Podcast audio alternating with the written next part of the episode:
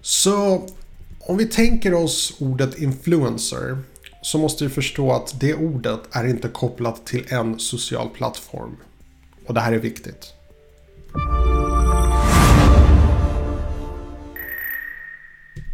Hej och välkomna till min kanal. Mitt namn är Tommy och jag hjälper dig att bemästra social media idag. Så att idag eh, vill jag prata lite grann om vikten att inte fastna på det här eh, med att vara på en social plattform. Men innan jag går in på det så vill jag bara uppmana till att eh, gå in på mina spellistor och titta. Jag har gjort en massa spellistor med olika ämnen beroende på vad du är ute efter. YouTube-tips eller bara motivationstips eller andra olika sociala medier.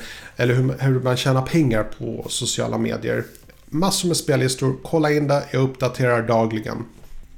Okej, okay, tillbaka till ämnet.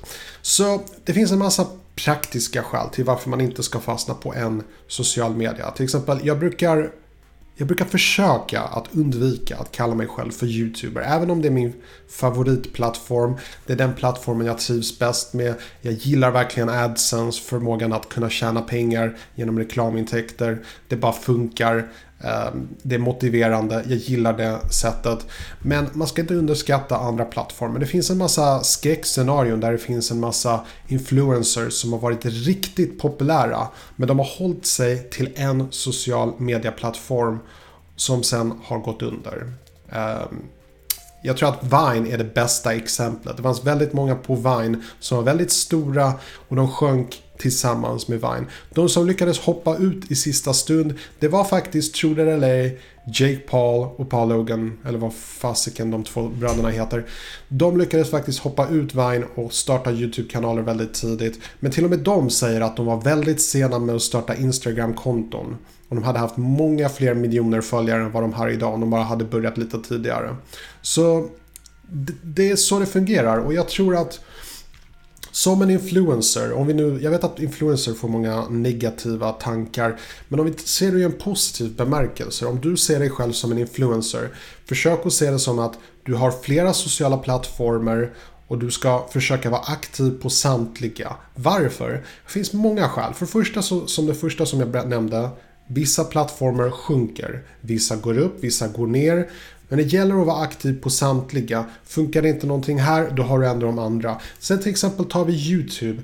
Det är roligt att visa videon på YouTube men på grund av YouTube-algoritmen och på grund av att YouTube väljer att rekommendera vad de tycker är den bästa videon för tittarna så är det inte alltid så att du lyckas få ut ditt material, dina, dina nya videon till dina prenumeranter. Och då kan det istället vara bra att ha ett Twitterkonto eller ett Instagramkonto där du kan kommunicera med dina fans och meddela dem när du har släppt en ny video och så vidare.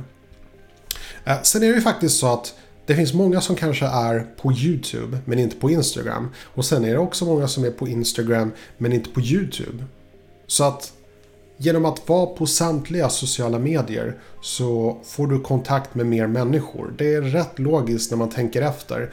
Så jag vet att det finns de som skulle säga att nej, det bästa är att fokusera på en enda plattform. För att då blir man som duktigast. Och jag förstår den tanken och jag tror att vad jag gör själv är ju att jag faktiskt satsar på YouTube. Jag skulle säga ungefär 50% av min tid går till YouTube. Resten av tiden satsar jag på Twitter och Instagram och även att upptäcka nya sociala plattformar. Jag försöker vara aktiv på samtliga och jag har ännu inte gett upp mina hopp om IGTV.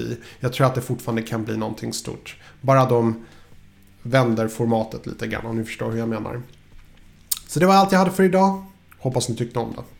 Avsnittet är slut men upplevelsen är inte över. Klicka dig vidare till ett av många rekommenderade avsnitt. Men om du har någonting viktigare för dig just nu, glöm inte att prenumerera så att du inte missar framtida avsnitt som kommer varje morgon klockan 07.00. Detta är din uppväckning.